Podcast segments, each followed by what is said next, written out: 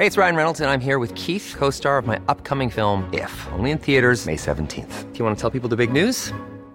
All right, I'll do it. Sign up now and you'll get unlimited for $15 a month in six months of Paramount Plus Essential Plan on us. Mintmobile.com slash switch.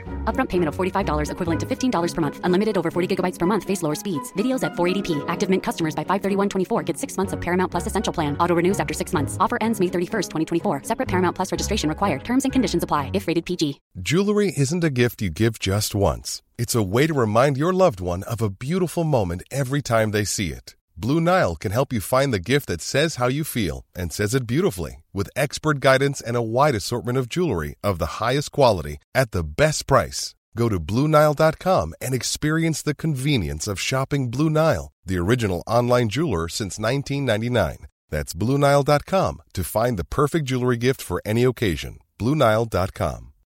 Millions of people have lost weight with personalized plans from Noom, like Evan, who can't stand salads and still lost 50 pounds. Salads, generally, for most people, are the easy button, right? For me, that wasn't an option. I never really was a salad guy. That's just not who I am. But Noom worked for me. Get your personalized plan today at Noom.com. Real Noom user compensated to provide their story. In four weeks, the typical Noom user can expect to lose one to two pounds per week. Individual results may vary. Veckans sponsor är Telia. Hos Telia samlar man mobil, bredband, IT-support, mobilväxel, allt som gör företagande enkelt. Och det är just det här att samla allt på ett ställe, att ha någon att vända sig till när det inte fungerar, det är Telia. Ett exempel på vad som inte är Telia, det är ju som när jag lyckas boka förmötet för en poddinspelning med Finansinspektionen till efter själva inspelningstillfället. Eller när jag här, här året var liksom, fick för mig att jag skulle börja springa, så jag är liksom ute och springer taggad, träffar en kompis som säger så du Jan, på måndag ska jag springa ett lopp. Och jag känner så här, ja men det låter inspirerande, så jag käkar pasta, jag byter om, tar mig ner till Malmö stadion för att göra en efteranmälan, står där i kön och sen så när jag liksom anmäler mig så tittar de på mig och säger så här, du Jan, vårhuset är bara till för kvinnor. Och eh, det var, det var typisk en situation som inte är Telia. Oavsett, ett stort tack till Telia som sponsrar, gör Rika Tillsammans möjligt, men framför allt tack till dig som lyssnar, följer och eh, hänger med oss varje vecka. Om man får en stor summa pengar oväntat, oavsett om det handlar om att man säljer sitt företag, man får ett arv, man får en lottovinst eller försäkringsutbetalning, så kan det leda till en emotionell kris. Och, och då är det viktigt att tänka på några av de här grejerna som vi pratar om i avsnittet. Du lyssnar på Rika Tillsammans-podden som handlar om allt som är roligt med privatekonomi. I den här podden får du varje vecka ta del av konkreta tips, råd, verktyg och inspiration för att ta ditt sparande och din privatekonomi till nästa nivå på ett enkelt sätt. Vi som gör den här podden heter Jan och Caroline Bolmesson. Idag är det dags för avsnitt 191. Och eh, idag så kommer det vara lite diskussion kring svaret på en ganska vanlig fråga på forumet på sistone. Och det handlar om att man får en större summa pengar i en engångshändelse. Mm. Eh, det vill säga att man kan få ett arv, man har sålt sitt företag, man har haft en skilsmässa, man har vunnit på Lotto, man har blivit känd eller liksom man har avslutat någon affär. Det känns lite som att det är sånt som händer andra men inte mig. ja men precis. Men, men, men okej, okay, men det kan ändå vara viktigt att veta vad, vad man kan göra då ja. med pengarna. Ja. För det kan ju hända en faktiskt. Mm. Och jag tänker att eh, det, det, är lite olika saker beroende på till exempel om det är liksom livsförändrande mycket pengar eller om man liksom får ett arv på 10 000 och du har kanske en portfölj på en miljon, då kanske inte det är liksom lika stor grej. Men där är ganska många... Du sa att det var en större summa pengar. Men det är, vi säger 10 000 ja, kan vara det. Ja, För vissa precis. kan det faktiskt, ja, det så, så precis, respekt så, till det. Ja, så fokuset, och sen så får man själv bedöma vad en större summa ja. är lite för en själv. Men vi kommer att prata om det lite lite från olika lite olika eh, aspekter. Mm. Men jag tänker också så här att eh, jag brukar alltid försöka göra lite reklam för vår Patreon-community som eh, växer, vi har roligt, vi har många, nu under våren så kommer det vara väldigt mycket sådana här fika tillsammans. Vi har, vi har en egen sån här separat podd som heter Fika tillsammans-podden, där vi har ja. liksom gäster som vi intervjuar som inte kommer upp på bloggen, utan det är till för dem i communityn. Ja. Eh, och sen så har vi haft lite börstips. Fraktal och Nimbus eh, spekulerade vi, som blev en jättebra affär för de som fick tilldelat. Så att, eh, om man inte är med i communityn så kan man kolla mer på patreon.com rika tillsammans, så kommer mer info. Där är mer aktiviteter planerade. Framförallt så ser jag fram emot att kunna träffas Alltså jag är lite så här, Alltså du träffas i communityn via på, Zoom då? Ja, eller? nej, på riktigt. Jag är lite svältfödd faktiskt på att alla är så, digitala möten i alla ära, men jag saknar ändå det där att träffas. Jag höll en föreläsning för ett företag, för ett it-företag häromdagen och det var så här, det är inte samma sak som att ha en riktig föreläsning nej. eller en riktig... Det kan nog dröja, John. Ja. Mm. Det... Nu är vi i början på 2021. Jag spådde ju att detta skulle ta flera år. Ja, Jo, men du är ju mikrobiolog också och jobbat med de där frågorna. Ja, jag, jag gillar inte att ha rätt i Nej. denna frågan, det kan jag säga. Ja. Mm. Men, men jag... Eh, i vilket fall, så vi pratade om community, men nu så hoppar du in här på, på avsnittet, eh, på avsnittet och ja. du kommer till Eh, en slide här, ja. och vi har ju slides också. Ja, och du som lyssnar behöver inte följa med i slidesen, men om du vill ha dem så finns de i, med i anslutning till artikeln på bloggen. Så man kan alltid gå in på bloggen kolla. Eh, mm. och så kolla, liksom få en snabb översikt. Där finns även hela avsnittet transkriberat med mm. länkar och sådant. Mm. Men jag tänker att vi i detta avsnittet ska liksom lite fokusera på hur man kan tänka eh, ja. kring det här om man får en större summa pengar eh, vad man kan göra rent konkret eh, med de här. Men framförallt, jag tror att den största behållningen för många av er som kommer att lyssna är att vi kommer bjuda in Moa eh, Dieselborn som är beteendevetare och har jobbat med den här typen av frågor, både liksom i Sverige och internationellt. Och när jag intervjuade henne eh, liksom inför detta avsnittet, för jag ville egentligen bara ha hennes tips. Och sen när vi hade pratat en kvart så var det så här, det är nog bättre att hon är med i avsnittet. Mm. För att hon sa att det är ganska många emotionella saker som dyker upp som man inte tänker på. Att, när, det, när man får en stor summa pengar? Nej, nej, men det till exempel ett arv. Ja. Där säger att man ärver någonting och då vill man liksom mentalt liksom använda till exempel de pengarna på ett sätt som de som man fick pengarna av önskade. Men så har man kanske inte alltid pratat om Nej. det där och så kan det komma en skuld med, alltså inte en ekonomisk skuld. Utan Men en, känslomässig skuld med äh, att man fick pengarna och nu måste man göra något någonting. riktigt bra med dem. Ja, och väldigt många pratar inte om det där arvet, Nej. så man vet inte hur mycket pengar det kommer att bli, man vet inte när man kommer få Alltså så att där uppstår väldigt... Ja, det är som en överraskning lite, ja, kanske. Ja, alltså Moa sa ju så här, det blir ju liksom en, en emotionell kris Mm. Eh, och sen hjärnan kan inte skilja på en positiv eller en negativ kris.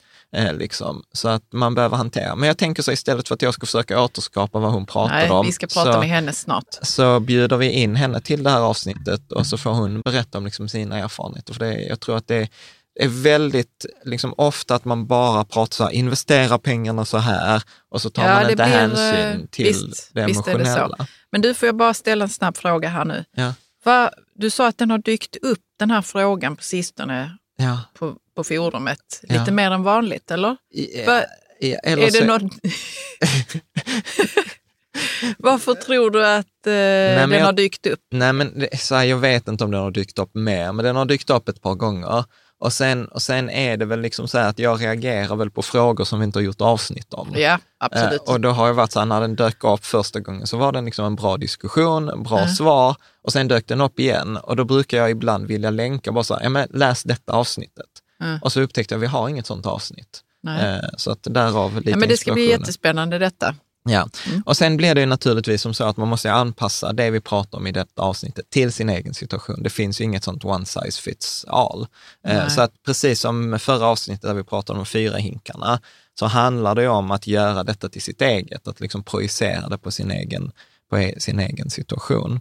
Och sen så är det också precis som vanligt viktigt att veta att detta, liksom när vi pratar om detta, är inte personlig finansiell rådgivning, utan detta är liksom en allmän information, det är en ganska subjektiv mm. information där jag till exempel alltid har en förkärlek att man ska ta hänsyn till både det rationella, matematiska, statistiska och det emotionella och känslomässiga.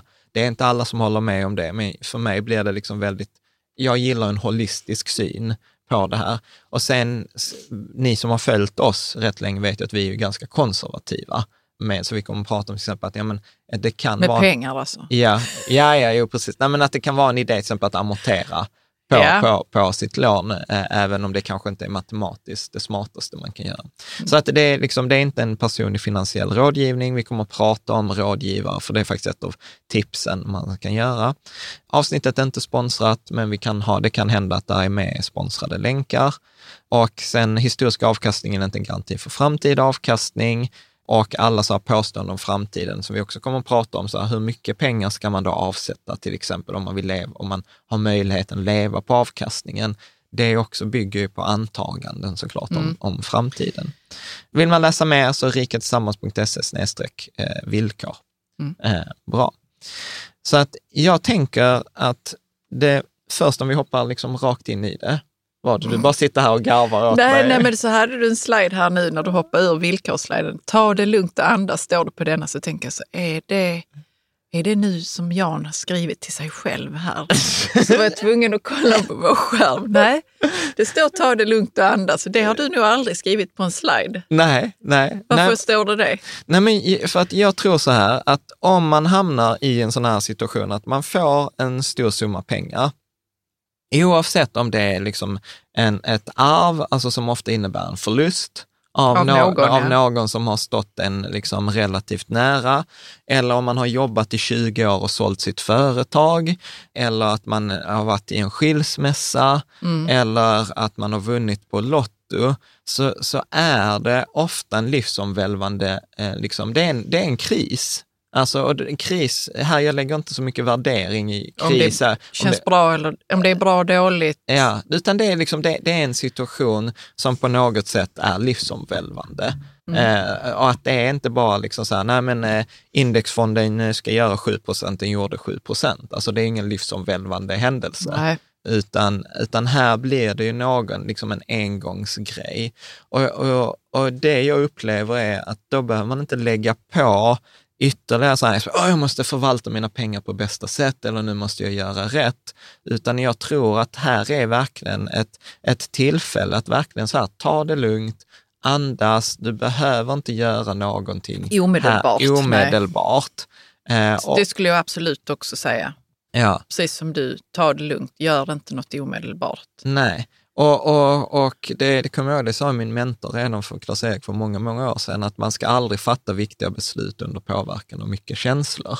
Liksom oavsett... Och känslorna, de, vad heter det, de försvinner ju lite. Alltså man kan inte sitta med supermycket känslor jättelänge. Nej, men jag gillar, så funkar jag... ju inte hjärnan utan man, till slut, det efterhand så bearbetar man ju och känslorna lägger sig lite och då ja, kan man fatta andra beslut ja, det, än om man skulle gjort det på känslan. Ja, men precis. Och det handlar inte så mycket om det liksom eh, positiva känslor eller negativa Nej. känslor. Jag, och jag gillar ju det där som vi, när jag fick med mig när jag var på min meditationsretreat, som jag pratade om i något avsnitt, där pratar man ju om emotion, alltså liksom att känslor här ska ju kunna passera. Genom de är som att, vågor. Ja. De är som vågor, det handlar om motion. Mm. Um, så att jag, jag, tror att det, det är liksom viktigt här att man liksom ger sig själv eh, liksom ett space för att där är många nya frågor. Det är det vi kommer att prata om i detta avsnitt också. Där är många frågor som kommer behöva svar. Och jag upplever att vi människor är generellt sett ganska dåliga på att vara kvar i frågan. Att vänta ut svaret, ja.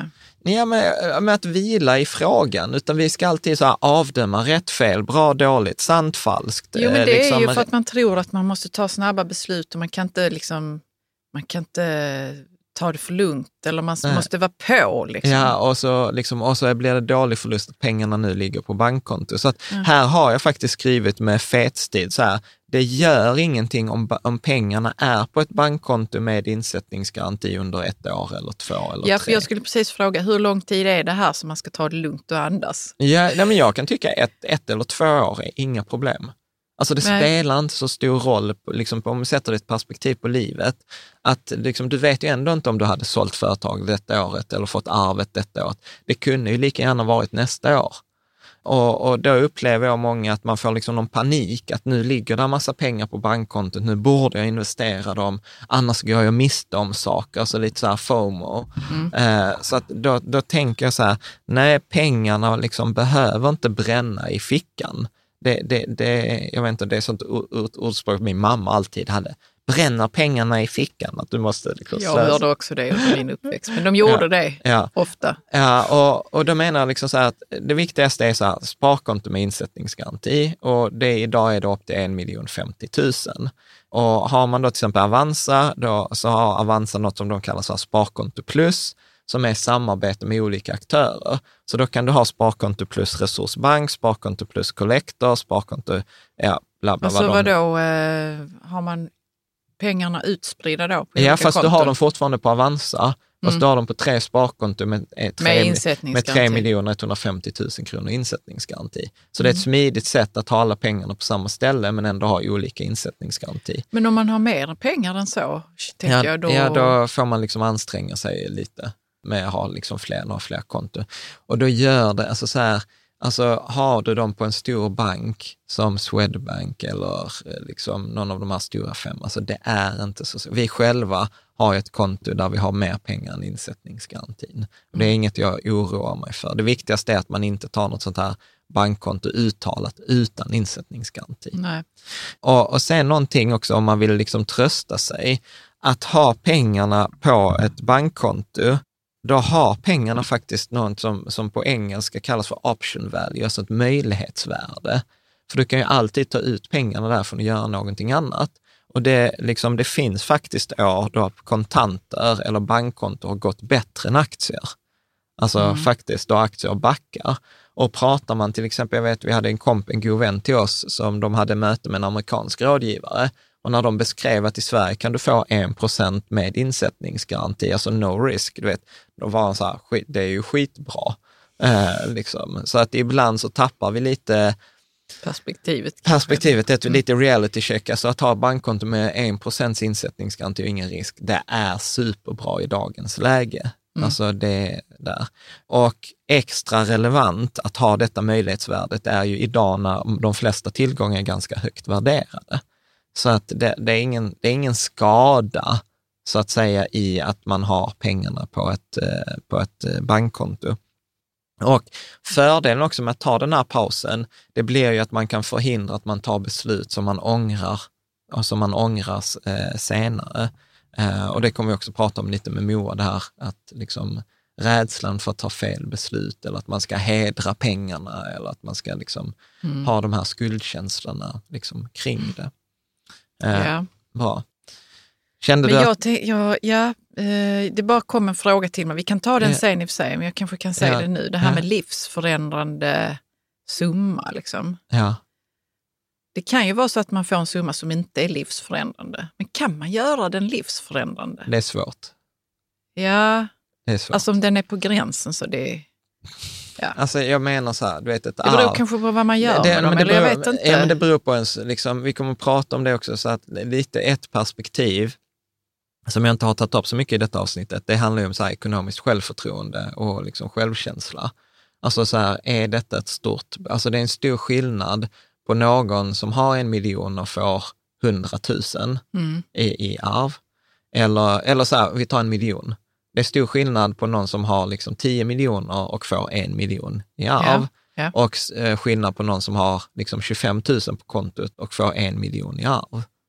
Ja, det är jättestor skillnad. Men jag tänker också att eh, man kan få... eh, Man, har 25, man kanske inte ens har 25 000, man får 100 000 i arv. Ja. Och så har man inte ekonomiskt självförtroende. Ja. Man vet inte vad man ska göra med de pengarna. Ja. Och, så te- och, och men enda tanken är, jag vill inte bränna dem.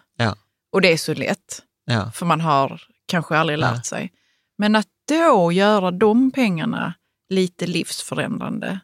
Ja. Förstår du? Att man bara, Ja. jag ska, jag ska till exempel då man, man kollar på Riket tillsammans och säger så, ja, men jag ska lära mig hur man gör med de här pengarna nu. Ja. Jo, men det kan ju Då vara kan det vara kan, då kan det vara, ja, du är så fin. Alltså, jag Jo, men för att jag skulle kunnat varit i den situationen, Ja. kanske, och tänka så, nu ska detta fan i mig vara livsförändrande för mig. Ja. Detta är steget till ett bättre liv Ja, än det jag har lyckats med hittills. ja, ja, ja. Och då fint. måste man ju liksom, man måste ha, hitta information Ja. någonstans och, Ja, och inte kanske lita på första bästa bankman. ja, jo, absolut. Absolut. Alltså, ska, precis, men då är det ju inte livsförändrande. Eller jo, det är Jag det ju förstår, det också. men vad är livsförändrande får vi nog också säga, så vad är det för något? Vad Ja. är, är, är det så 500 miljoner? Ja, det kanske är livsförändrande då. Det ja, hade det varit för oss. ja. ja, jag vet inte. Alltså, jag, Vi vänder oss till Moa med dessa frågorna.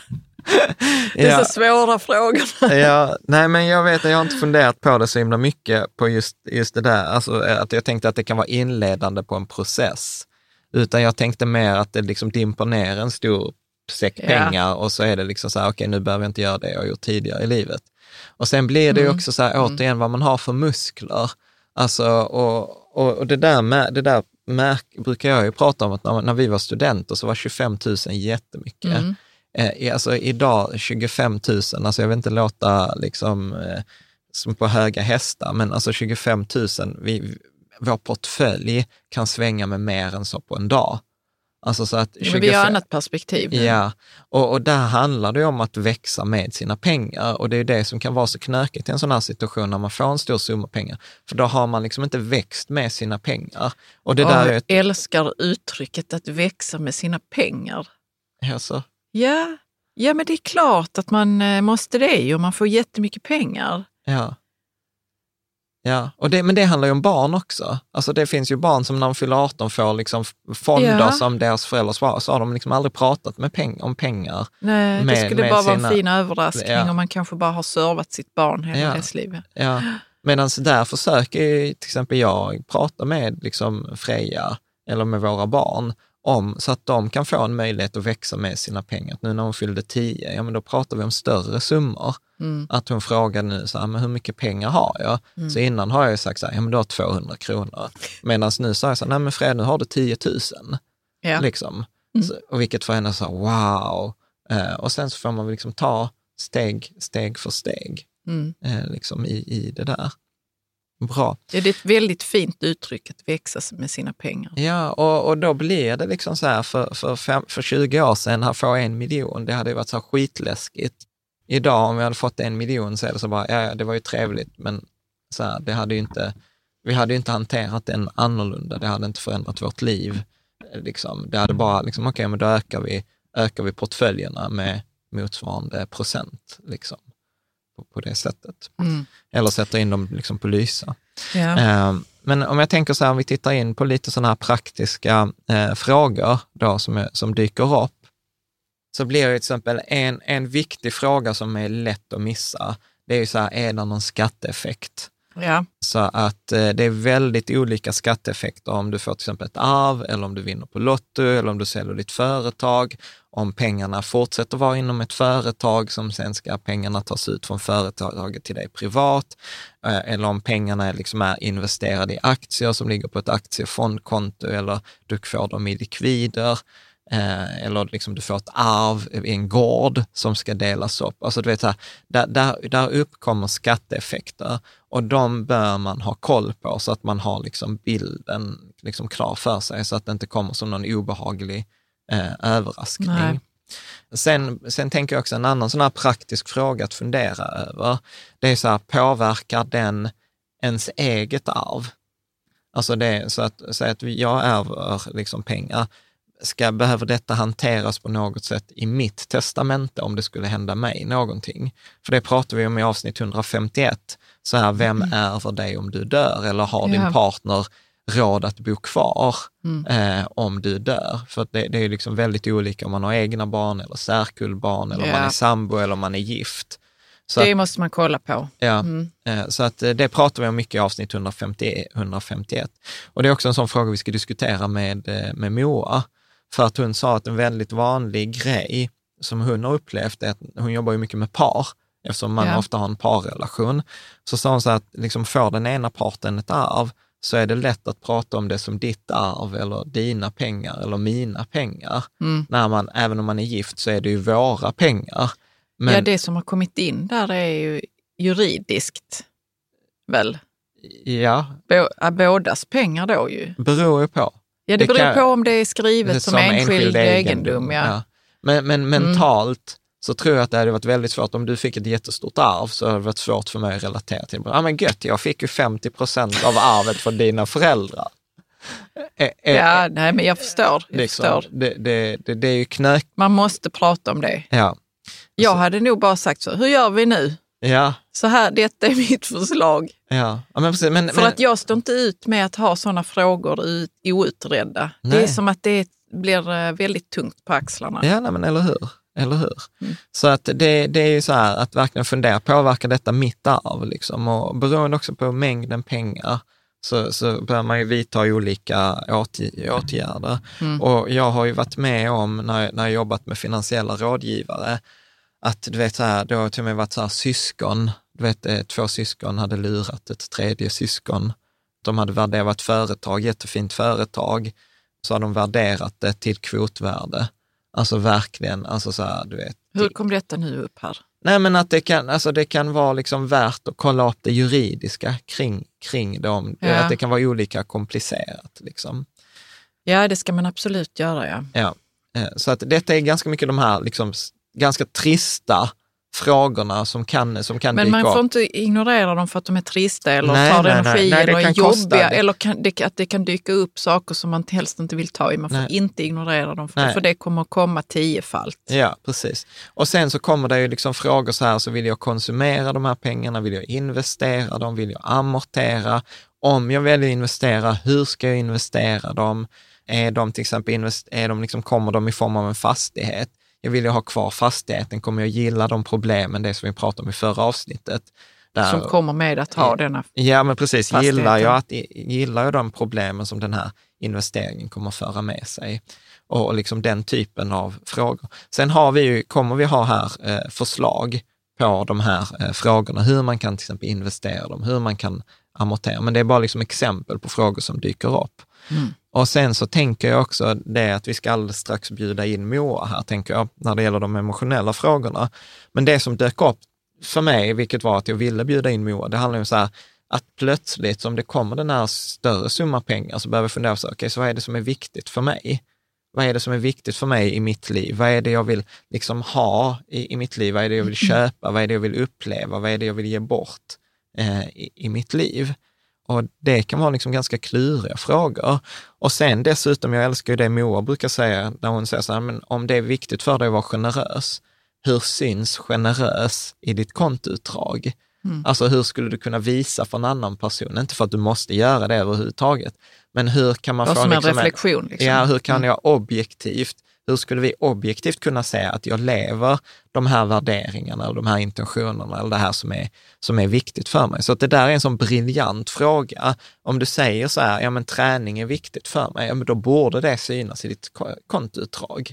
Ja. Om, om, om, om liksom nyttig mat är viktigt för dig, då ska ju det synas i kontoutdraget. Annars är det ju bara varmluft eh, liksom, eh, på något sätt.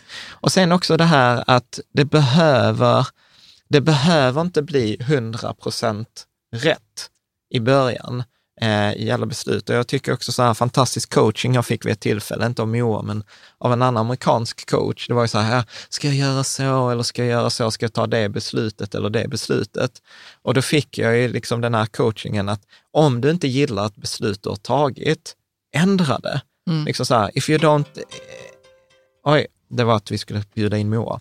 Om du inte gillar eh, eh, ett beslut så, som du har tagit, så ändra det. Och då sa han också så här, att eh, han sa det på engelska, så if you don't like it, move, you're not a fucking tree. Liksom att du kan alltid... Han var amerikan där, Ja, jag du- behövde svära. Ja, men du kan alltid liksom flytta dig, du är inte ett träd. Och, och då kan ju detta också vara ett tillfälle att till exempel överväga de här sakerna man drömt om, att till exempel starta ett företag, skaffa sig en utbildning, byta ett yrke, resa, ta med familjen någonstans. Ja, eh. Liksom etc. Men jag, jag, tänker så här att vi ska dyka ner i lite de här mer emotionella frågorna med då Moa. Så Moa är då Moa Dieselborn. Hon är beteendevetare, hon är liksom coach, hon är specialiserad på sådana här emotionella aspekter när det gäller då till exempel livsplanering, eh, värderingar, mycket just det här med eh, pe pengar, för hon jobbar ju liksom i gränslandet med finansiell rådgivare, fast med liksom de emotionella aspekterna på pengar. Mm. Eh, och det har hon gjort både i liksom Sverige, gör det internationellt och där kallas det ofta så life transition eh, mm. liksom coaching. Så jag tänker att vi släpper på Moa och sen hoppar vi tillbaka till, till avsnittet. Yeah.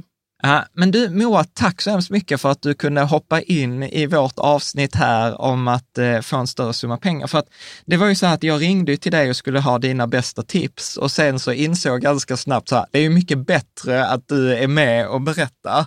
För att, för att du har ju jobbat med den här typen av frågor både liksom i Sverige och internationellt där man får eh, liksom en större summa, antingen man har sålt sitt företag eller man har fått mycket, till exempel i, i England har det varit försäkringsärenden etc. Mm.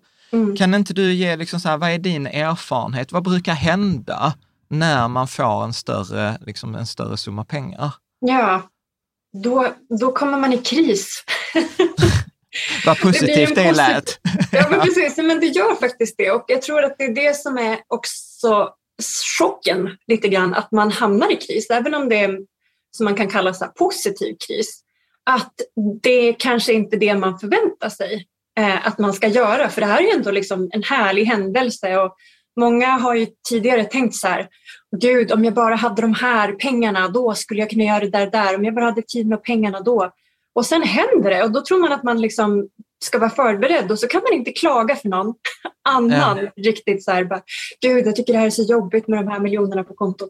Utan det blir också någon slags sak som man behöver hantera själv då. Så att det, det, inledande så är det, det blir en kris helt enkelt. Ja. Mm. Och, och, vad kan man göra i, i en sån kris? Alltså hur, hur mm. hanterar man, vad är liksom dina tankar kring det då? Jag tänker att många, för det första så vissa blir mer ivägsvepta av all den liksom, emotionella sidan av pengar. Eh, att man känner väldigt mycket, att man upplever liksom, den här krisen eh, och att man låter sig vara i det kaoset ett tag. Medan andra blir liksom, men vad ska vi göra då? Att man blir mer som du kanske Jan. här, ja. vad, gör jag, vad gör jag då? Liksom. Mm. Att och man att vill många... bli eh, hands-on och bara liksom ja. logisk och lösa inte vara i den här känslan. Jag löser det. Lö, mm. lösa det, precis så. Mm. Och jag tänker att då är det många som ägnar sig åt de här praktiska aspekterna av pengarna. Liksom. Att det är lätt också att fly in i det lite mycket. Att eh, kolla upp, det är bra. Jag känner att egentligen ska man ha en balans mellan både liksom IQ, hur man hanterar pengarna och också hur man hanterar eh, känslorna kring pengar. Men att kasta sig in i liksom, vad betalar jag för skatt, hur fungerar det, hur ska jag lägga upp det här optimalt, hur ska jag investera, placera, spendera de här pengarna och så kanske man, om man är omedveten om att det faktiskt är en kris, då kanske man går in lite mycket i det där och ojar sig och låter liksom, eh, ens tankar och idéer handla om rädslan kring att man kanske placerar pengarna fel. Eh, men att det är också egentligen då så jag tänker det man behöver göra det är att dels eh, sitt på pengarna, sitt på pengarna, sitt på pengarna. Gör det här gamla klassiska, stoppa dem i madrassen. Kanske inte ordligt liksom, eh, specifikt, utan, men, men eh, gör ingenting med pengarna. Om det liksom, eh, generella tipset brukar väl vara två år. Att bara låta det vara, för det kan vara väldigt liksom, omvälvande för de allra flesta av oss mm. att få mycket pengar. Mm. Och sen när vi pratade igår så sa du också att det är ganska vanligt att man hamnar i liksom en känsla av skuld. Kan, ja. kan du inte säga någonting mer om det? För jag tyckte det var så här som, det, detta har jag inte alls tänkt på. Nej, precis. Att det kan vara... Um, jag tänker med specifikt en kund som jag träffade för ett tag sedan som visste att hon skulle få ett arv. Men det var väldigt mycket större än vad hon, hon trodde att det skulle vara. De hade inte mm. haft en transparent dialog, hon och hennes mamma, om hur mycket hon skulle få helt enkelt. Det gjorde att hon hamnade liksom i chock. Men att man känner också lite så skuld att gud vilken möjlighet det här är. Um, vi borde förvalta det här på ett bra sätt, lite generellt. Men det kan också vara lite skuld mot den här personen. Borde ha varit trevligare, mer generös, mer hjälpsam? Borde vi inte ha spenderat mer av de här pengarna tillsammans medan hon levde? Massa sådana liksom lite skam och skuld och också att det sätter en också i en annan situation gentemot vänner och släkt. Att man kan känna så skam och skuld att jag vet att de har det svårt ekonomiskt just nu eller jag skulle gärna vilja göra en resa med dem, borde jag betala det? Så att det är liksom ett tumult av tankar och känslor som kan eh, få liksom etiketten eh, skam och skuld liksom, kring pengar och arv. Mm. Hur kan man nysta i det då? Alltså, alltså ja. säga att man, du vet så här för mig, jag blir så här, gud, ja, fan, jag, jag, precis som jag hamnar i den här känslomässiga karusellen.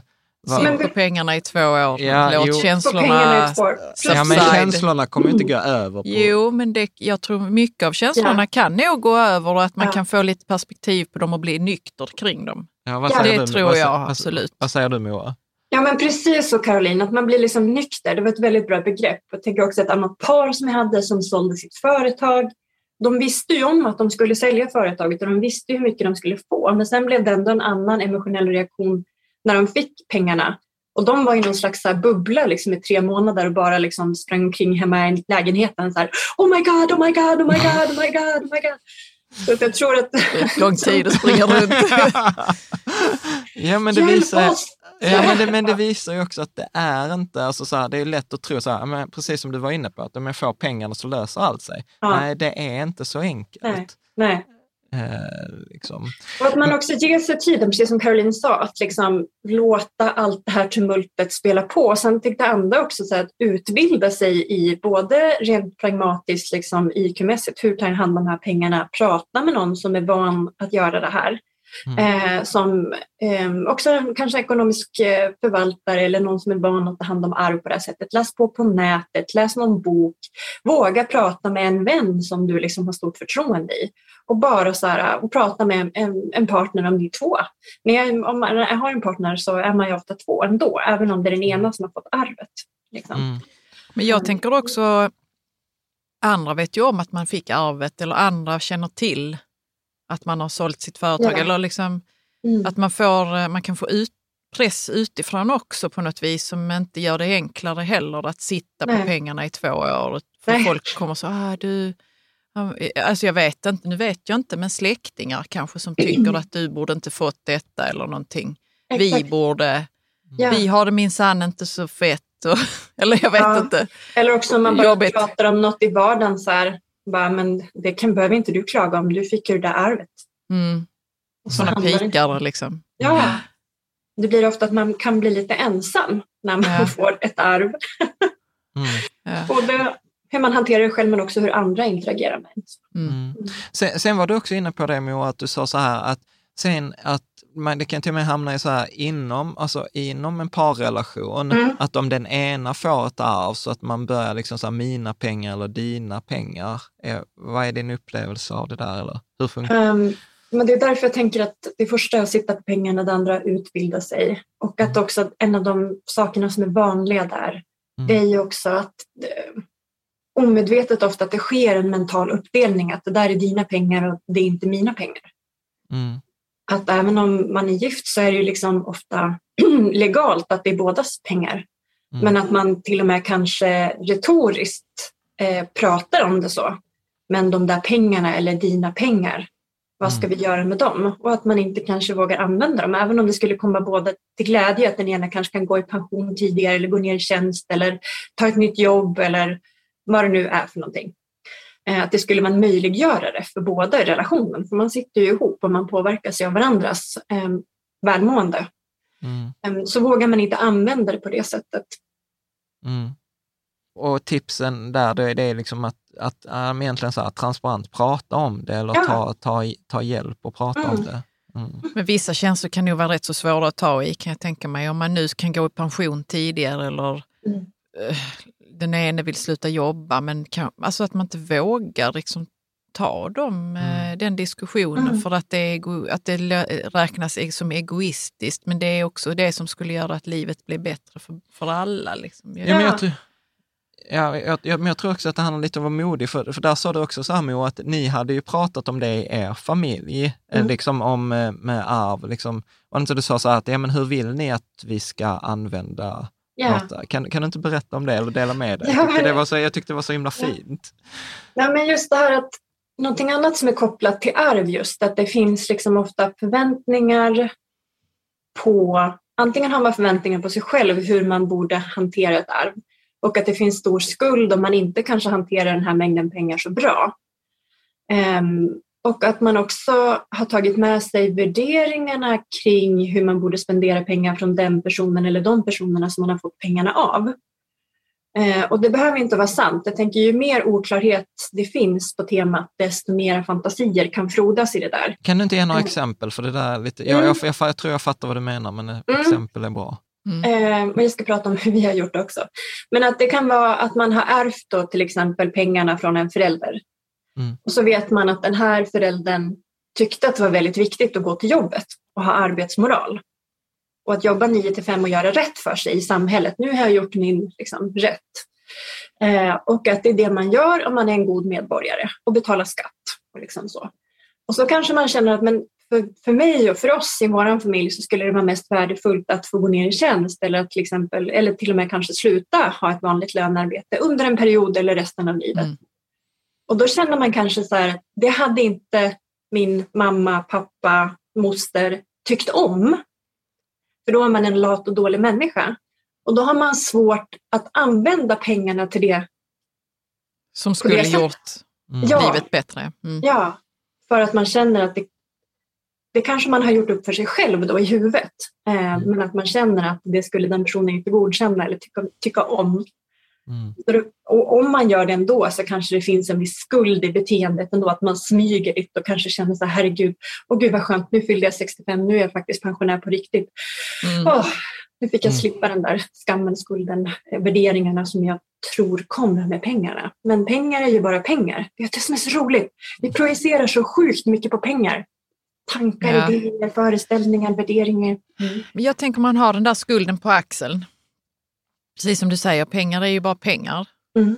Så om man då blir medveten om skulden man känner, Mm. då kan man göra sig av med den och, och, och prata med den då som har gett en arvet I, Ja. i, I för, I himlen. förväg. i himlen Ja. och säga så, nu kommer jag göra så här, tack så mycket för att jag kan det. Eller förstår ni vad Ja, jag men menar? där- nu men blev det- flummigt här, Ja, men, men- jag tycker att det är viktigt att man kanske säger det. Ja. Mm. Och, Jag fick, och, jag, bli, och att man först medvetandegör och sen säger, jag kommer göra Ja. så här. men där är ju hjärnan är ju fantastisk. Jag vet inte, jag tror att jag fick den uppgiften av dig Moa, att jag skulle skriva ett brev till min pappa som Ja. gick bort 94. Och det var ju så här, det var ju så här jättekonstigt. Men det funkade.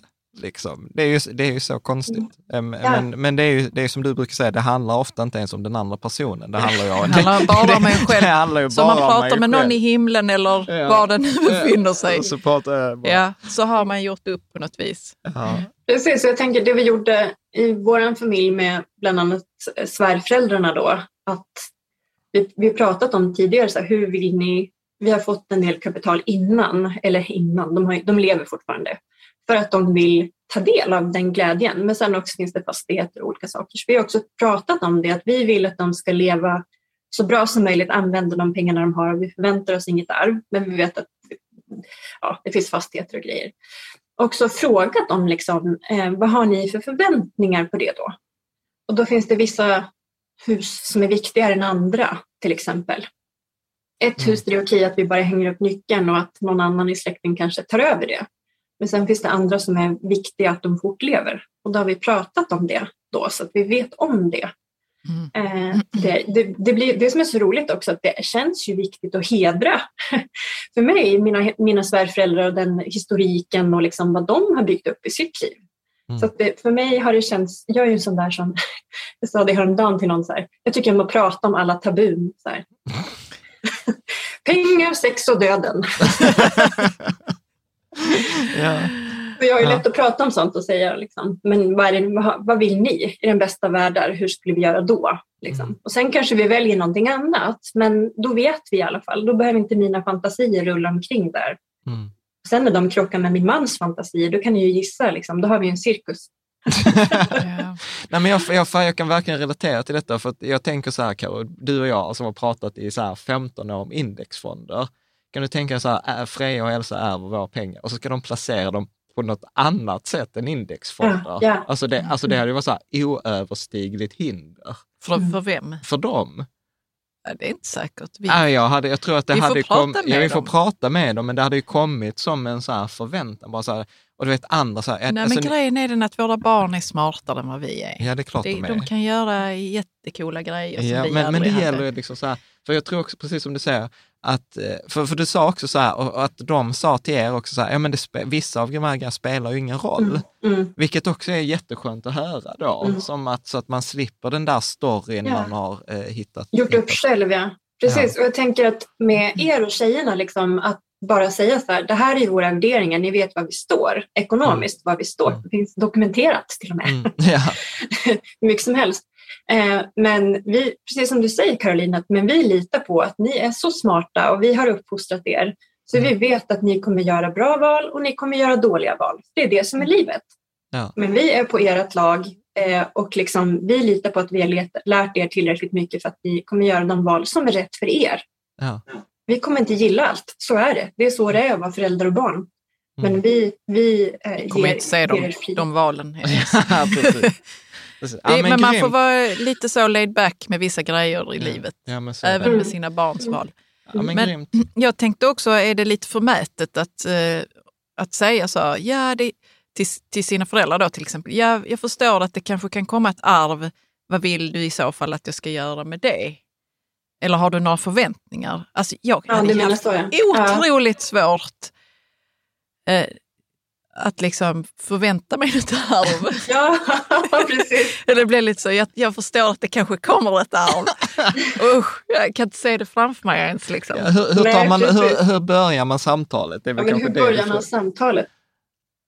Nej, för det är ju också så här, det är ju indirekt också att prata om döden. Ja, det är ofta. det ju. Det är Eh, tabun som kommer upp. Så att det, liksom, så här, det kan ju tolkas på väldigt många olika sätt. Ja, verkligen. Jag tror att man måste kanske börja den ändan. Att liksom, jag vet inte, att liksom börja med det. Att jag vill hedra vår relation och fundera på hur du tänker att det ska vara framåt. Och liksom, Ja. jag, tänker, jag, men jag vet inte, jag är ju åt helt andra hållet. Jag har ju pratat med vår vän Ann som är 72. Så här, hur vill du ha din begravning? Så här, Ja. Jag vill veta för att jag vill göra henne rätt. Men liksom. dock är göra- det Ann, Ann är eh, lätt att ta upp sådana saker med då och han är inte så känslig kring Men att hon hon ska pratar dö. inte om sånt, men hon välkomnar ändå. Vi frågade Okej. hennes son, Mm. så här, har ni pratat om det? Och då fick jag lite panik över att de inte hade gjort det. Eh, och då frågade jag, får jag göra det? Ja, det kan du göra. Så nu har jag skrivit ner och vi har hon mejlat och hon har skickat ett okej, så jag vet just nu hur de vill ha det. Och jag tänker att det kanske är den, men jag tänker att det är själva intentionen, Caroline, när du frågar hur initierar man det samtalet? Ja. det kanske inte ska handla om pengarna i sig. Utan att det, så här, det ska handla mer om en intention att man vill göra den andra personen, hedra den andra personen eller göra rätt liksom, för den andra personen. Jag vill veta hur du tänker för att jag ska kunna stödja dig i det som är viktigt för dig. ja, men bra. Ja, Mm. coolt. Du är så klok Moa. Jag har Jag hört det, folk säger det. Jag tänker så här avslutningsvis, Mm. är det någonting du vill skicka med eh, folk, alltså som, som Mm. är liksom så här, vet vanligt, ja nej, men du har ju ändå gjort detta. Ja, precis. Mm. Nej, men jag, jag, jag vill ju gärna landa i någonting specifikt. Så det som jag har tänkt på liksom, som tre punkter, det är ju för det första, sitt på pengarna. Mm. Ja, det kan kännas jobbigt, svårt, euforiskt, härligt, allt möjligt. Sitt på pengarna, bestäm en tidperiod. Två år är en bra tidsperiod. Eh, och liksom forska under den perioden. Prata med andra om du har möjlighet att göra det. Hitta någon Mm. som är liksom proffsig på detta, som vet och har gjort Mm. det förut. Och, och gör ingenting förrän den tiden har gått ut. Och ha den överenskommelsen med andra familjemedlemmar som kanske också är inblandade i det. Ehm, och det andra är att utbilda sig. Dels Mm. liksom kriskurvan, vad går man igenom för olika stadier när man stöter på en kris, även om det är en positiv dito. Mm. Så att man vet lite grann hur eh, roadmappen, hur kartan ser ut för en sån process. Och det tredje är ju liksom att, eh, nej men att kartlägga lite grann. Ta dig tid under den här tiden och fundera på liksom, vad är det du alltid har drömt om? Vad är det du liksom finner glädje i? Vad är ni som familj, oavsett hur familjen ser ut, finner glädje i? Ehm, och hur liksom skulle du kunna ha både glädje och frihet och roligt för de här pengarna. Mm. Så det. Sitt på dem, utbilda dig, eh, fundera mycket Mm. och skriv ner. Liksom. Ja. Reflektera. Mm. Lysande.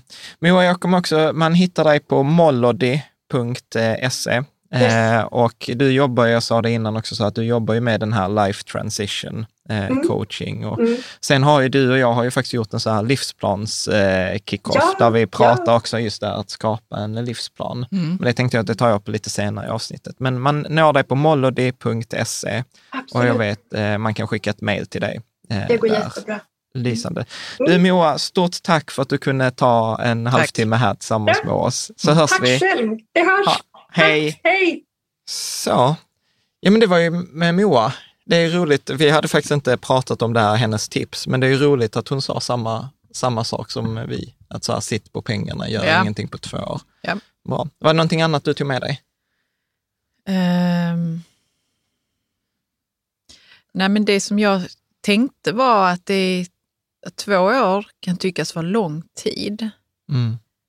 Men det är nog så lång tid man behöver. Tänk ändå vad som ska hända liksom i, mentalt Mm. för en. Mm. Ja men precis, alltså, verkligen. Ja, men jag gillade att hon konkretiserade det också. Mm.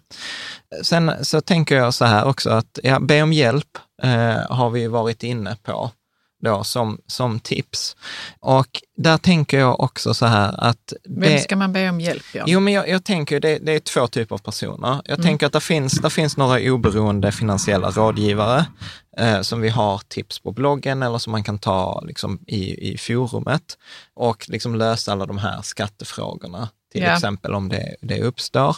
Och jag tänker också så här att det kan vara värt att faktiskt betala ett par tusenlappar liksom för, för den här rådgivningen. För att jag, jag tror att, för då slipper man göra många av så här nybörjar, nybörjarmisstag. Sen brukar jag ju när det gäller finansiella rådgivare så kommer ju de flesta försöka eh, sälja någonting sen där man tar betalt på procent. Men det kan man ofta förhandla bort och så säga, nej men jag vill betala en engångssumma, hjälp mig med en utredning här, ja det får kosta 25 000 eller 30 000 eller vad det, vad det kostar. Sen kan man då i vissa fall, om det är en stor summa, så återigen vi är i det där scenariot, jag har 25 000 och jag får 5 miljoner, då kan det vara värt att ha en finansiell rådgivare som man kanske betalar en halv till en procent om året, givet att det är en oberoende rådgivare.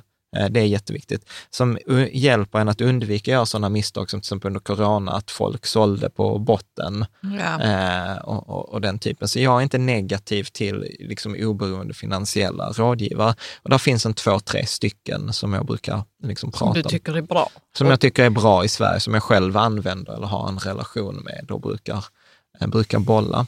Mm. Eh, och sen, sen tycker jag ju att man ska ta den här emotionella hjälpen.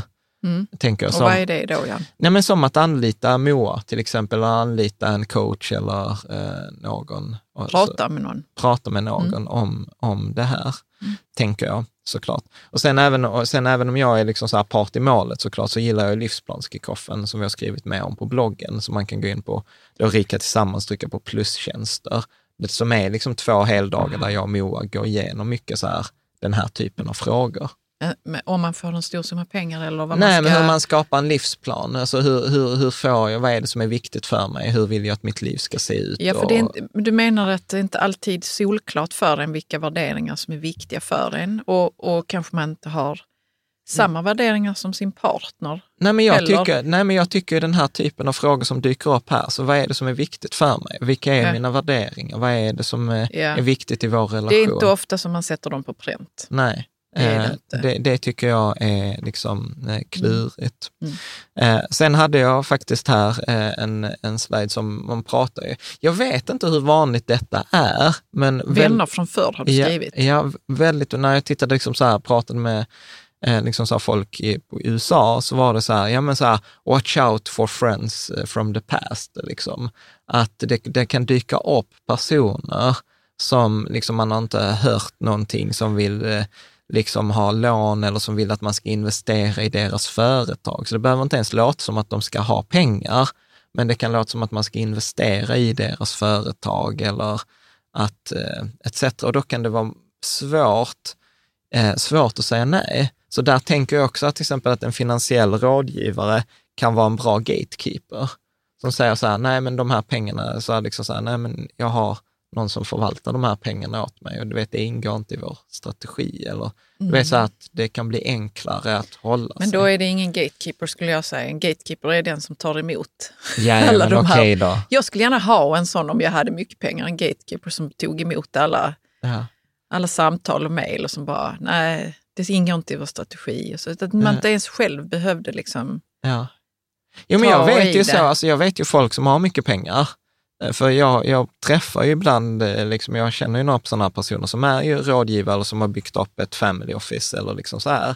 Och, och om man då mejlar till den som äger pengarna så vet jag att det enda som kommer hända är att mejlet kommer vidarebefordras till den här rådgivaren. Mm. Är med? Så att eh, då, då, då får man alltid liksom svaret så här, nej men ta det med, mm, mm, mm. Ja. det är de som har koll eller det är de som har strategin eller det är Ja. de som har liksom planen. Mm. Så att det blir liksom ett sätt att skapa liksom en viss emotionell liksom Distans, distans, eh, i det här. Ja. En, en annan sån här grej som är lite så här konservativ är ju att amortera dina skulder. Att eh, jag tror liksom, det, detta går jag har en tes som jag har stulit från duktiga finansiella rådgivare som låter så här. Om du har vunnit spelet, sluta spela. Det vill säga att det finns liksom ingen anledning att eh, om du har mer pengar än du behöver, då behöver du inte mer pengar. Alltså du behöver inte jaga mer avkastning, du behöver inte förvalta så att det blir en ännu större summa. Liksom. Om det inte är det som är kul att göra. Ja, men Ja. även där bör man då dela upp det, liksom, apropå det vi pratade med hinkarna, Ja, lekhink hinkarna, och, och liksom en stabilitet. Mm. Så att där finns, liksom, jag upplever så här, just en amortering, i, i 99 fall av 100 så finns det ingen nedsida. Det finns ingen nedsida med att amortera, för att du kan med, liksom med stor, i de flesta fall, där finns undantag såklart, men i de flesta fall så kan du alltid återuppta lånet. Mm. Du har en gång redan fått det här lånet, varför skulle du inte få det igen när du dessutom har mer pengar? Mm. Liksom, undantagsfallet är så här, man är pensionär eller liksom att då tittar banken på lån på återbetalningsförmåga, men det finns lösningar på det också. Eh, fördelen då med amortera, det är ju liksom mängden, kassaflödet ökar ju varje månad. Att du behöver inte betala räntan, du behöver kanske inte betala amortering. Mm. Så din liksom löpande ekonomi kan ju förbättras drastiskt Ja, av Ja, ett eh, lån. Särskilt dessutom om man har dumma lån, alltså som blankolån eller sms-lån eller liksom sådana saker.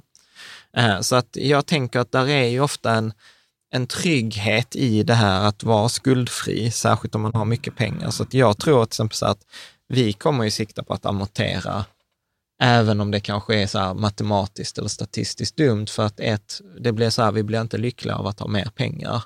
Och då kan det vara liksom, då upplever jag att det blir en vi blir lyckligare av att ha mer pengar i månaden skulle jag säga. Ja, men precis. För till exempel just nu så börjar vi amortera ganska mycket. Vi amorterar ju typ 10 000 i månaden och vi betalar Ja. liksom ett par tusen i ränta. Mm. Så att liksom för oss, liksom en amortering hade ju förbättrat vårt kassaflöde med 15, minst 15 000 Mm. i månaden. Mm. Och det kan på många sätt vara mer värt än att eh, liksom ha, Har har det innes, in, i, investerat, även, om, investerat, ja. även om det är en, alternativ, en alternativkostnad. Mm. Så att där är det ju det här, återigen, balansen mellan det emotionella och det, det matematiska.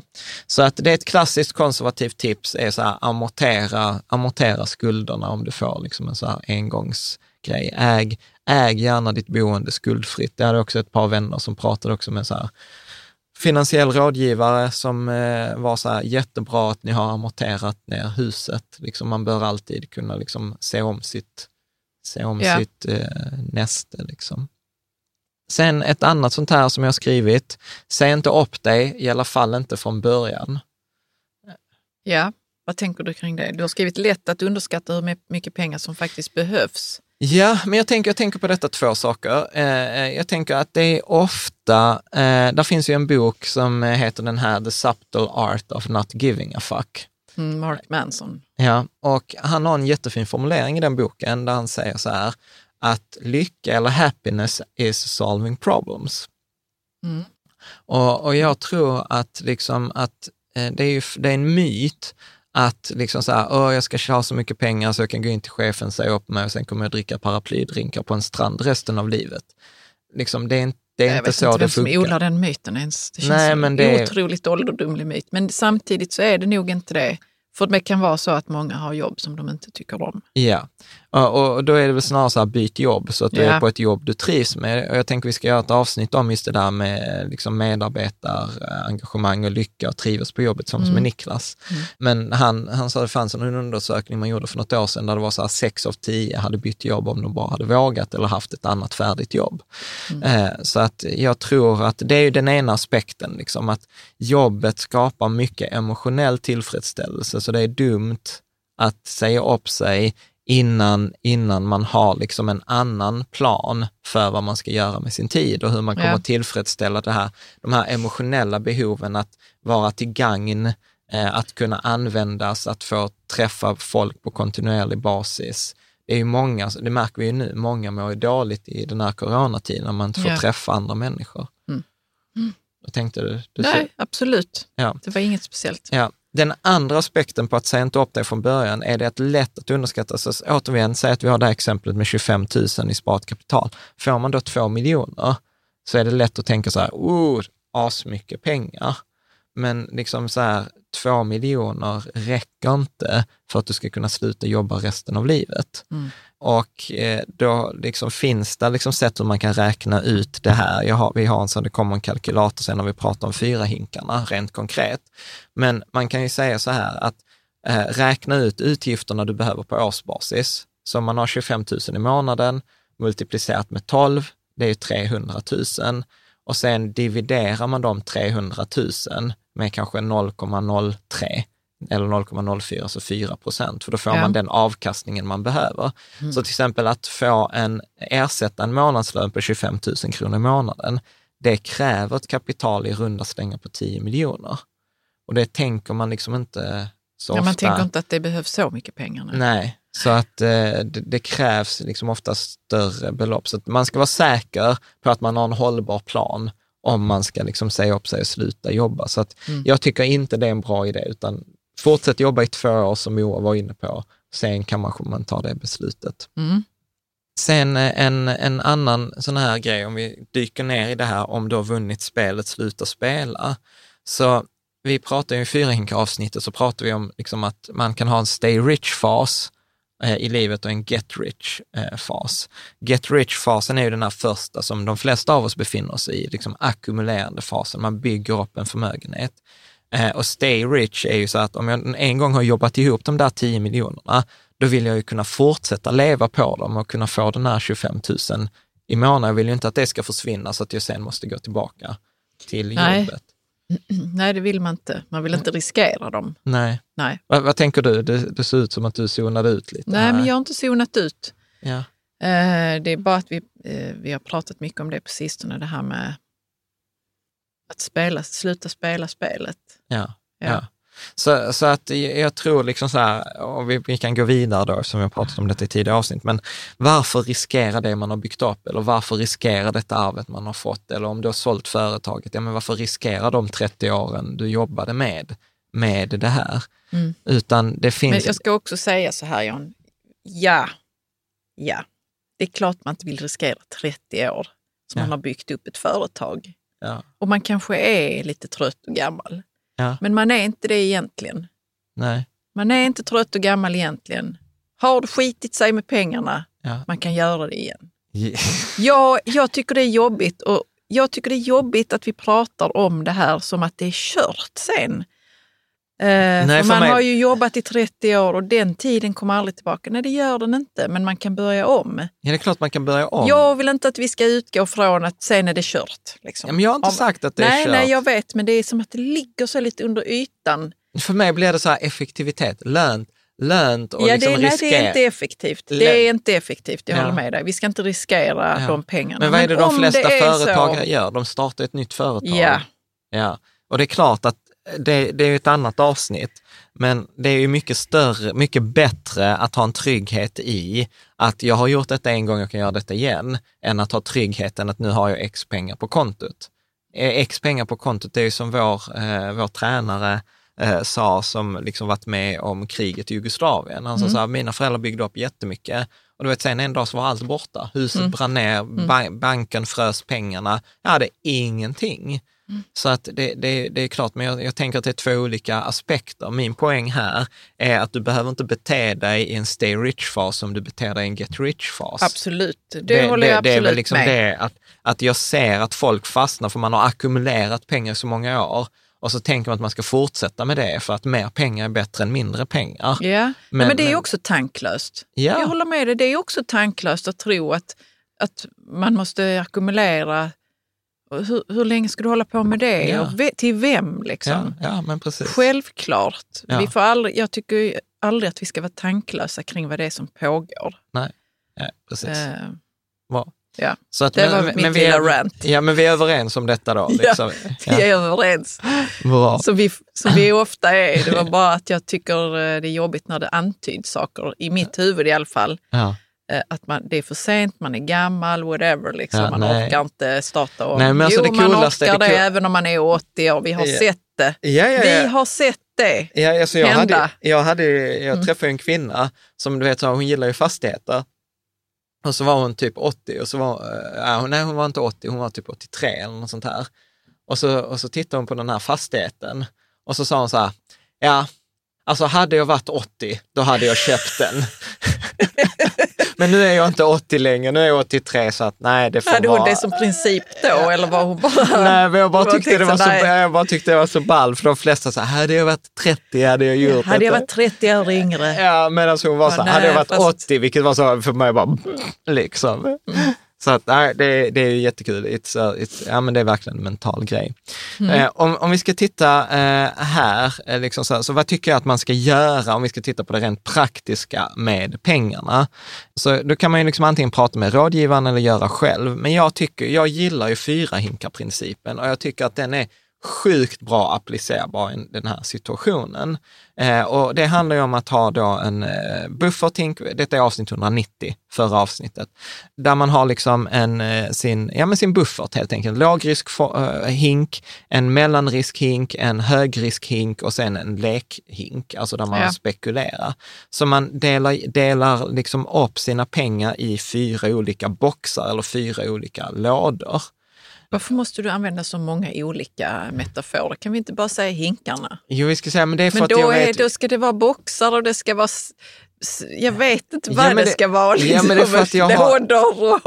Ja, men det är för att jag, jag känner så här att, Det folk förstår dig Jan. Ja, De okej. förstår hinkarna. okej vad bra, Ja. vi kör hinkarna. Vi går igenom detta i detalj i avsnitt 190, men jag tänkte jag skulle ge några exempel på storlek. Eh, Så att man, man får det. Så i en get rich-fas, eh, då, där man har den här inkomsten, man ackumulerar pengar, då är det väl ganska rimligt att tänka kanske en till tre månadsutgifter i bufferthinken, eh, tre till sju gånger så stor mellanriskhink som man har bufferthink. Glöm inte det som vi pratar om i avsnitt 190, att boendet räknas ofta in i mellanriskhinken. För folk tänker ofta så här, shit, ska jag ha så mycket pengar i mellanriskhinken? Nej, men den fylls ofta av, upp av boendet. Som man då kan... Räkna med. Ja, man kan räkna med det för att man skulle kunna ta lån på Till huset. Är det så du tänker? Ja, till exempel. Och Ja. det beter sig som andra investeringar i mellanriskhinken. Ja. Men vi pratar om det i detalj i Mm. avsnitt 190. Eh, man behöver inte ta med boendet om man inte vill, men då får man göra andra anpassningar. Och sen då... Eh, pass- Passiva hinken, där har man precis, resten. Där, där har man resten av pengarna och sen har man, vill man ha en lekhink, alltså en spekulationshink, då, då tar man 10 procent av den passiva hinken. Det är Ja. ganska bra under get rich-fasen. Så får man i detta fallet en, en, en, eh, liksom ett arv, men säg att jag har en miljon och får ett arv på 100 000, ja men då är bufferthinken full, är mellanriskhinken full, ja men in med resten i den passiva hinken. Mm. Det blir väldigt enkelt. Lägg 10 procent i lekhinken. Ja. Eh, på, på, så att det, det blir liksom ingen skillnad, tänker jag. Men om man då har en, är i en stay rich-fas, eller det här arvet eller den här företagsförsäljningen, eller det här gör att man plötsligt blir klar med sin ackumulationsfas och man plötsligt kan leva på avkastningen av sitt kapital. Så i en stay rich-fas, då tänker jag att bufferthinken bör vara mellan ett till fem års utgifter. Alltså totala utgifter. Så man räknar ut så här, okej, men vi spenderar 60 000 i månaden. Mm. Ja, men då ska jag ha då 700 000 per, per år och då tar jag liksom, okej, men då är det kanske 2,5 miljon eh, behöver vi där. I Eh, bufferthinken. I bufferthinken, ja. Mellanriskhinken, då är vi ute på den här beräkningen. Ett års utgifter dividerat med, jag, tyck, jag är en försiktig general, så jag tycker ju 2,5 procent. Så man dividerar då sitt års, eh, totala års utgifter dividerat med 0,025. Och då Ja. får man en summa kanske 10 miljoner eller 15 miljoner eller 7 miljoner, alltså beroende på vilka, vilka utgifter man har. Så någonstans, jag brukar säga, välj en nämnare någonstans mellan 2,5 och 4 procent. För, och de här siffrorna kommer ju från vilken avkastning kan du då ha på dina pengar uthålligt över en längre tidsperiod. Och 4 procent, det kommer från en så kallad Trinity-studie. Vi har ett avsnitt som handlar om uttagsstrategier. Så att det är inte liksom helt påhittat. 2,5 procent, det blir bättre för då har du mer marginal. Eh, liksom. Det är bättre att räkna på en lägre avkastning. Och sen blir ju då den passiva hinken blir, eh, eh, och le lekhinken blir då valfria. Mm. Du, så du behöver, i en, i en stay rich-fas behöver du inte de två hinkarna som du behöver under en get rich-fas. Eh, och de här beräkningarna liksom kring eh, ekonomisk frihet, de kan man göra på bloggen. Då kan man bara fylla i, vad har vi för utgifter per månad? Och sen kan man dra med en sån här eh, rullgardin och så testa så här, nej men okej, vad blir det med 4 procent? Vad blir det med 2 procent? Det är jättekul. Ja, eh, och den visar också så här, hur ekonomiskt fri är du i, idag, eh, liksom etc. Mm. Så att det är väl egentligen inte så mycket konstigheter. Så jag, jag upplever egentligen så här att arvet blir, alltså så här, fyra hinkar-principen, fördela pengarna så att du hamnar rätt i risk. Och sen när det gäller själva placeringen av pengar, så är den inte annorlunda än allt det annat vi pratar om. Alltså avsnitt 99, alltså att placera dem i en fondrobot. Vi gillar ju Lysa eh, eller en kombination av billiga indexfonder så som vi pratade om i liksom våra modellportföljer. Ja. Liksom. Så, så min övergripande tes här är att man bör inte investera pengar annorlunda bara för att mängden pengar ökar. Jag kan ändra riskprofilen, det vill säga att jag kan flytta pengarna mellan de olika hinkarna. Men varje hink är ju fortfarande investerad på samma sätt oavsett om jag har liksom 10 000, 100 000, 10 miljoner eller 100 miljoner. Eh, och vi känner ju folk som har alltså många miljoner på lysa. Eh, så att det är inte liksom så här, oh, jag måste sprida det mer eller jag måste göra andra beslut. Nej, nej, det är väl lätt att tro att man måste hamna i någon annan slags investeringsliga eller någonting sånt där. Ja, att det kommer Det andra typer av investeringar. Nej, Nej. Tvärt, tvärtom. Eh, tvärtom, utan det är samma principer, eh, liksom, samma principer som, som gäller, Mm. eh, tänker jag. Så att på, på det sättet tycker jag att det är ganska skönt. För med liksom avsnitt 99, så här kom igång och börja spara och investera, och fyra hinkarna, så kan man lösa de flesta situationer liksom i, i, i livet. Jag, jag, skulle vilja lägga till, om någon säger så här, du är dum om du inte gör så här, då ska man sluta lyssna. Va? Ja, jag hade inte lyssnat på någon som hade sagt, du är dum om du inte gör så här med dina Nej. pengar. Ja, nej. Speciellt om jag hade fått mycket pengar. Ja. Ja. Nej, nej, jag tycker, nej, jag tycker detta, detta är ju liksom ett sätt, en modell att tänka. Sen, sen pratar vi både om fördelar och nackdelar med de olika sätten i respektive avsnitt, så det finns inte så mycket att göra här. Däremot en fråga som väldigt ofta dyker upp eh, är ju att eh, ska jag investera allt på en gång eller ska jag sprida ut över tid? Och då finns det liksom två svar. Det matematiskt korrekta svaret är investera allt på en gång. Alltså att det som spelar roll för avkastningen är det som man kallar för time in market. Hur länge är pengarna investerade? Det emotionella svaret är sprid ut över tid. För att det finns inget som är så sugigt som att investera och sen så faller det med värde och så ångrar man sig och så fattar man dåliga beslut. Eh, liksom. Ja, om det är Alltså. så att man gör det. Ja, Eh, och vi går igenom detta i avsnitt 92, så vi har ett helt avsnitt på denna frågan där vi, där vi diskuterar, eh, diskuterar Så det. innan vi började med det här, ska jag sätta in allt på en gång eller ska jag spr- sprida ut det? hade jag inte en tanke på Mm. att man ska sprida ut det. Och jag förstår att det matematiska korrekta är att göra det. Nej, man ska inte sprida ut det. Nej, men det har du sagt ju, emotionella... Nej, okej, Ja. du sa investera allt på en gång. Jag har för mig att vi har pratat om att man ska sprida ut. Nej, utifrån ett emotionellt perspektiv, absolut. Ja, men ja, inte, okej. inte från Nej, ett men det var ju skönt matematiskt. att jag ändå skulle gjort rätt då. Jag ja, bara satt in allt på en gång. För jag tycker det verkar jävligt mäckigt ja, att sprida ut och tänka så nu ska det autogiros, även om det är autogiro, det ska sättas in 12 månader här nu. Ja. Ja. Nej, Ja. in med det bara. Ja, nej men, eh, men Jag kanske är lite osofistikerad. Ja, nej, jag, Ja. Jag, tänk, jag tänker så här, man kan göra en balans, man kan göra två, alltså en kombination av det här. Eh, det, vi- det, vi- Ja, det kan man också göra, för Ja. man- jag vet inte hur. nej, men man ska sätt sätta in sätt- mass- sätt in hälften hälften en nu gång. och sen sprider du ut det andra över två år. Alltså det, det, det spelar inte så stor roll. Liksom. Nej. Nej, jag bara tycker det är så märkligt att, eh, Ja. att vilja sprida ut det. Jag tycker det är ganska, jag För är, du tycker ju att det kan man göra. Ja. Men var kommer detta ifrån? för att jag inte vill ångra mig. Jo, jo, men, men tänker andra människor också så? Ja, det är klart. Tänk om jag... Alltså, För jag har så- sett på forumet absolut att frågan har kommit, men så har jag, har jag jag varit otroligt frågande till hur jag själv skulle må över Ja. att sprida ut Nej, men, jag det tycker, jag men, men jag tycker till exempel nu, man kan argumentera så här, börsen är högt värderad, det skulle komma liksom en kris eller en sättning eller så här. Men det vet man ju inte. Man vet inte det. Nej. Nej, och jag ska ju ha dem inne i 10 plus år. Ja, men hur har det liksom. känts så här, du ärver de där pengarna, du ärver fem miljoner, du sätter in dem och sen tre veckor senare så är de bara värda tre miljoner. Jag hade inte varit inne och kollat på dem ens. Okej, ja men du, det är därför du egentligen borde sköta våra pengar inte jag. Okej, vi går vidare här nu.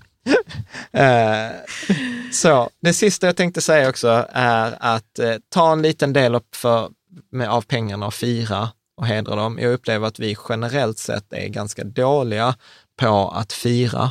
Eh, liksom, eh, att, eh, Vi svenskar eller? Vi som lyssnar på denna podden eller, lyssnar på eller följer. Mm. Utan ofta är det så att vi når ett mål och innan vi har passerat mållinjen har vi tagit tag i målflaggan och skickat fram den. Så att det blir Ja. liksom hela tiden den här jakten. Så liksom så här, har du jobbat och sålt ditt företag, ja men unna dig och fira det för guds skull.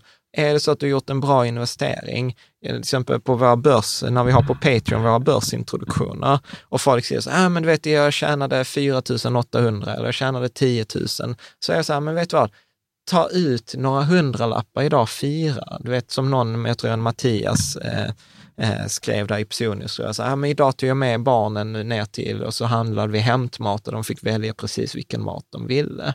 Så att det blir liksom lite Ja, att det, blir är lite- grejer det. Sånt kommer man ihåg sen Ja, när man växer upp och är vuxen. Då fick jag välja vad jag vill. Ja, men precis. Så, så att det, liksom, det blir lite av att pengarna, liksom, att det inte alltid bara är på lysa. Nej, de kommer utan, till Utan glädje. att de kommer till Mm. glädje, att de kommer in i vardagen. Ja, de, jag- ja, men det var fint sagt, att de kommer in i vardagen. Ja. Mm. Och där är lämplig summa, har jag skrivit, så här 0 till 10 procent. Jag brukar försöka göra 0 till 10 procent. Har vi gjort en bra affär, ta ut lite pengar och så. Och så, så att det blir, för det blir ändå minnen av, av, eh, Ja, av det där. Liksom. Sen, sen så behöver man ju inte spendera, så har man fått 10 miljoner och man tar ut 10 procent, behöver inte smälla det första veckan. Alltså man kan ju vara ansvarig i det där också. Så att det är hela tiden den här balansen, eh, Mm. liksom, tänker jag. Mm.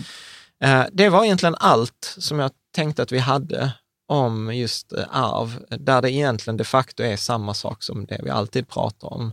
Eh, Men där är lite mer de här emotionella aspekterna. Ja. Sen kommer det alltid upp frågor, att det är någon situation som är annorlunda, så att då brukar jag rekommendera så här, använd forumet.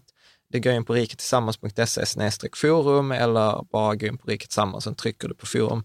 Det är ett fantastiskt forum där är liksom, vi har, jag tror nästan 200 inlägg om dagen. Eh, Mm. Ja, väldigt sjukt. väldigt duktiga människor som sitter där och svarar. Jag lär mig mycket, jag blir Mm. utmanad.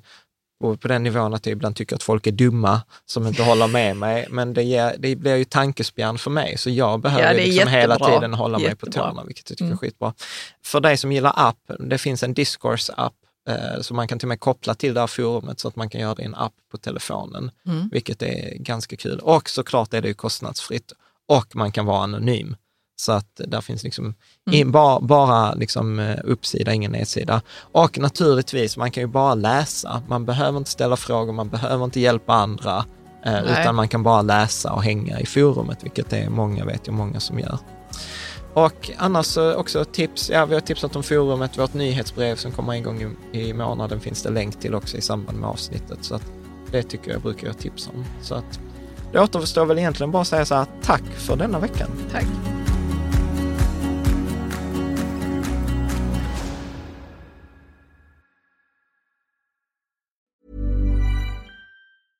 Hey, it's Paige DeSorbo from Giggly Squad. High quality fashion without the price tag. Say hello to Quince. I'm snagging high-end essentials like cozy cashmere sweaters, sleek leather jackets, fine jewelry, and so much more. With Quince being 50 to 80% less than similar brands.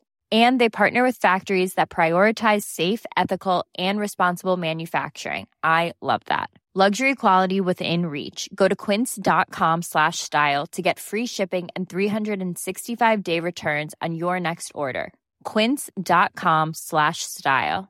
Mom deserves the best, and there's no better place to shop for Mother's Day than Whole Foods Market. They're your destination for unbeatable savings, from premium gifts to show-stopping flowers and irresistible desserts. Start by saving 33% with Prime on all body care and candles. Then get a 15-stem bunch of tulips for just $9.99 each with Prime. Round out Mom's menu with festive rosé, irresistible berry chantilly cake, and more special treats. Come celebrate Mother's Day at Whole Foods Market. The secret to summer ready skin is here. Osea's number one best selling Andaria algae body oil, clinically proven to instantly improve skin elasticity and transform dry skin to silky, soft, and unbelievably glowing. Its signature scent of freshly squeezed grapefruit, cypress, and mango mandarin transports you to sun kissed summer days. Get healthy, glowing skin for summer with clean vegan skincare from Osea. Get 10% off your first order site wide with code GLOW at OseaMalibu.com. Um.